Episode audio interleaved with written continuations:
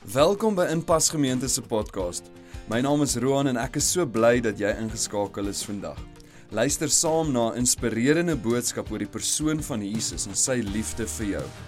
As ons jou op enige manier kan dien of bystaan, maak asseblief kontak met ons. Ons webtuiste is die maklikste manier om dit te doen. Gaan na inpas.org.za en vul die terugvoerstrokie in en ons reik uit na jou. As hierdie podcast 'n impak maak in jou persoonlike verhouding met Jesus, wil ons jou uitnooi om jou geloof prakties uit te leef.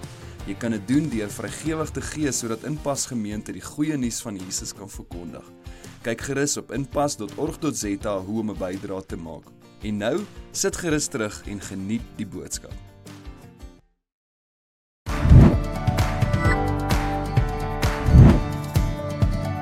Hartlik welkom julle by deel 2 van ons 40 dae van goeie nuus. Nou hierdie is 'n ekstra video wat jou gaan help in jou stilte tyd of in jou klein groep om dit saam te bespreek. Duisend dankies vir elkeen van julle wat julle huise oopmaak om 'n klein groep aan te bied. Ek glo regtig dat ons saam gaan groei in ons verhouding met die Here oor hierdie volgende 40 dae en ek sien so uit daarna. Nou so in Sondag se boodskap het ons gesien hoe die Here 'n absolute begeerte het om 'n dieper persoonlike verhouding met ons te hê. Nou vandag gee ons nou 'n tree verder met hierdie groot vraag en dit is hoe bou ek aan hierdie verhouding en hoe groei ek in my verhouding met die Here? Nou goed, dit bring ons by hierdie moeilike woord, die nie so so lekker woord nie en dit is dissipline. Dis nou al die goeters wat ek en jy veronderstel was om al te doen, nê, maar nooit doen nie. Jy was veronderstel om vroeër op te staan maar jy doen dit net nie. Jy was veronderstel om te begin oefen, maar jy doen dit nie. Jy is veronderstel om gesonder te eet of om meer te spaar, om meer tyd saam met jou kinders te spandeer. Luister, die meeste van die tyd as ek en jy hoor 'n boodskap of 'n preek hieroor oor dissipline, laat dit ons net sleg voel eintlik, nê. Nee, jy sê vir jouself, "Man, ek is dalk net iemand wat lui is." En dan kom jy daar by jou kollegas by die werk, jy kom maandagooggend na, hulle is so vrolik. Hulle het al 5 uur gaan oefen. Hulle voel so goed en hoe voel jy? Man, jy verpes dit. Jy hou nie daarvan nie. Jy's nie lus om met hulle eers te praat nie. Hierdie woord dissipline maak jou sommer net moeg om daaraan te dink. Dink dit aan al die goed wat jy veronderstel was om laas jaar al te gedoen het. Maar hier's die ding oor dissipline.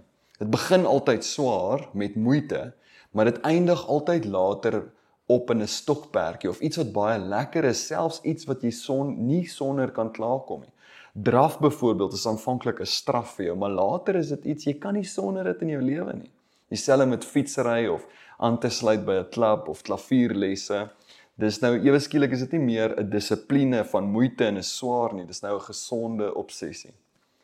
Dissipline bring ook altyd vordering, hè, selfs al sien ons vreeslik op daarna, nê? Al al doen jy dit met 'n lang suur gesig, dissipline bring altyd vordering. En dan ook dissipline bring ook altyd vryheid. Dis dalk sleg vir jou om te spaar nou, maar later het jy meer vryheid.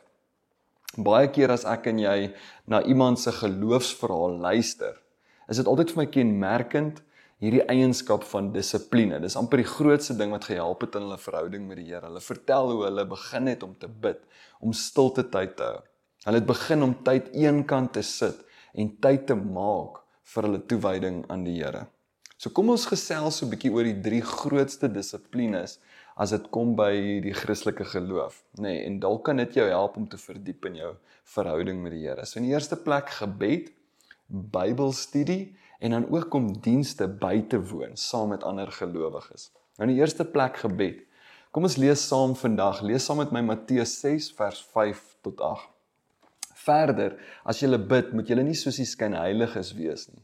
Hulle hou daarvan om in die sinagoges en op die straathoeke te staan en te bid sodat mense hulle kan sien. Dit verseker ek julle, hulle het hulle beloning klaar weg. Nee, as jy bid, gaan na jou kamer toe, maak die deur toe en bid tot jou Vader. So gebed gaan oor jou tyd. Jy weet, het jy tyd om te bid? Tyd is seker die belangrikste bate wat ons het. Ek praat nie van 'n skietgebed daar op die N1. Here maak my laat help net dat sy ontslaa raak van daai ou, daai boyfriend of ag Here help tog net hierdie kollegas van my.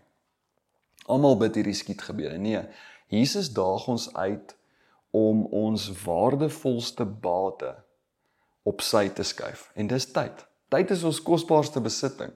Ons gaan waarskynlik uit tyd uit hardloop lank voordat ons uit geld uit hardloop. Hoor die Here vandag hoe hy vir jou vra: "Gee vir my 'n gedeelte van die ding wat die belangrikste is in jou lewe." Hoor weer wat sê vers 6. Hy sê hy sê: "Nee, as jy bid, gaan na jou kamer toe, maak die deur toe en bid tot jou Vader wat jy nie kan sien nie. Jou Vader wat sien wat verborge is, sal jou beloon. Wat 'n beloning? Wel, ek dink jou hemelse Vader gee ag en hy is asof hy opstaan wanneer jy van jou besige lewe, van jou besige tyd afstaan aan hom. Ons almal gaan een of ander tyd, nê, nee, gaan ons tyd gee aan die Here. Dalk is dit 'n noodgeval is. Maar hierdie skrif praat nie van die tyd wat jy gee wanneer daar 'n noodgeval is in jou lewe nie of wanneer jy iets soek vir jouself nie. Hierdie is meer Here, ek is so afhanklik van U. Ek kan nie myself indink om 'n dag te begin sonder om tyd te spandeer met U nie. Nou as jy mense sou vra wat al lank 'n verhouding met die Here het, wat is hierdie beloning wat hierdie teksgedeelte van praat? Is die beloning dat jou gebede beantwoord sal word? Nee, Uh die beloning is nie dat die Here net al jou gebede beantwoord en ja sal sê vir alles en jy kan net maar daai fancy kar van jou kry nie. Nee. Die beloning is ek stap weg in die oggend van 'n tyd saam met my hemelse Vader met 'n absolute sekerheid dat hy gaan saam met my. Nou daar's 'n bekende gebedsformule wat my al baie gehelp het nê nee, om meer op 'n doelgerigte manier te bid. Hulle noem dit Obabel. Dit staan vir O staan vir oordenking, belydenis, aanbidding, behoeftes en luister. Oordenking, dit gaan oor die beginsel om die skrif en die woord te vat wat ek gelees het te oordink. Belydenis, bely teenoor die Here as daar iets is wat jou pla, dalk iets wat jy verkeerd gedoen het. Wees spesifiek daaroor. En dan aanbidding is 'n geleentheid wat jy het om vir God te sê hoe jy voel oor alles wat hy vir jou gedoen het en dan jou behoeftes. Hier begin jy om in geloof jou behoeftes aan die Here bekend te maak. Nou dit gaan nie net in hierdie gedeelte oor oor my behoeftes nie, maar oor groter behoeftes, goed wat ek voel regtig nodig is. En dan laastens om te luister. Gebed is ook 'n tyd wat die Here wil met ons praat. Dit gaan oor God wat vir jou 'n antwoord wil gee of vir jou rigting wil gee. Wat kan jy doen om stil te word sodat die Here met jou kan begin praat. Hoe babbel, nê? Nee? Oordenking, belydenis, aanbidding, my behoeftes en dan om te begin te luister. So die eerste dissipline wat ons oor gepraat het nou is gebed en dan tweedens is dit Bybelstudie. Hoekom hoekom Bybelstudie? Want dit help my om die waarhede wat die Here oor my sien, oor myself te bely. Ek is wie hy sê ek is, nie wat my verlede of selfs my gevoelens of my sonde, my skuld vir my sê nie. Nee. Nee, wie hy sê ek is, dis wie ek is. Dan help die woord jou ook om reg te lewe, om jou gedagtes te vernuwe, nê Romeine 2 12 vers 2. Dan ook is die woord 'n kragtige wapen teen versoeking. Dink bietjie aan Jesus in Matteus 4 wat daar in die woestyn was en en die, en die duiwel weerstaan het deur om skrif te gebruik. Gebed Bybelstudie en dan laastens vanaand die dissipline van diensbywoning. Nou kom is dit belangrik om kerk toe te gaan hè. Hoor hoe mooi sê ehm um, Hebreërs 10 vers 23 tot 25 dit vir ons. Hy sê laat ons styf vashou aan die hoop wat ons bely, want God is getrou. Hy doen wat hy beloof het.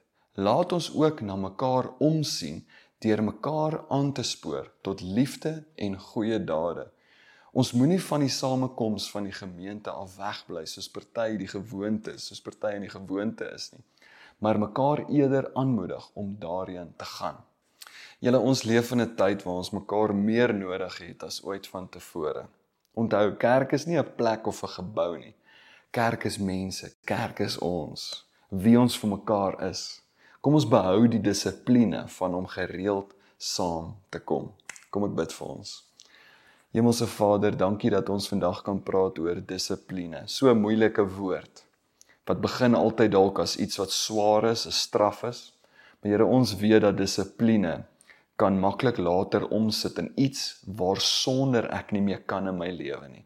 En ek wil bid vir elkeen van ons, Here, laat gebed en Bybelstudie, u woord Here en ook die samekoms van ons as gelowiges. Here 'n dissipline sal word in ons lewe waar sonder ons nie kan nie.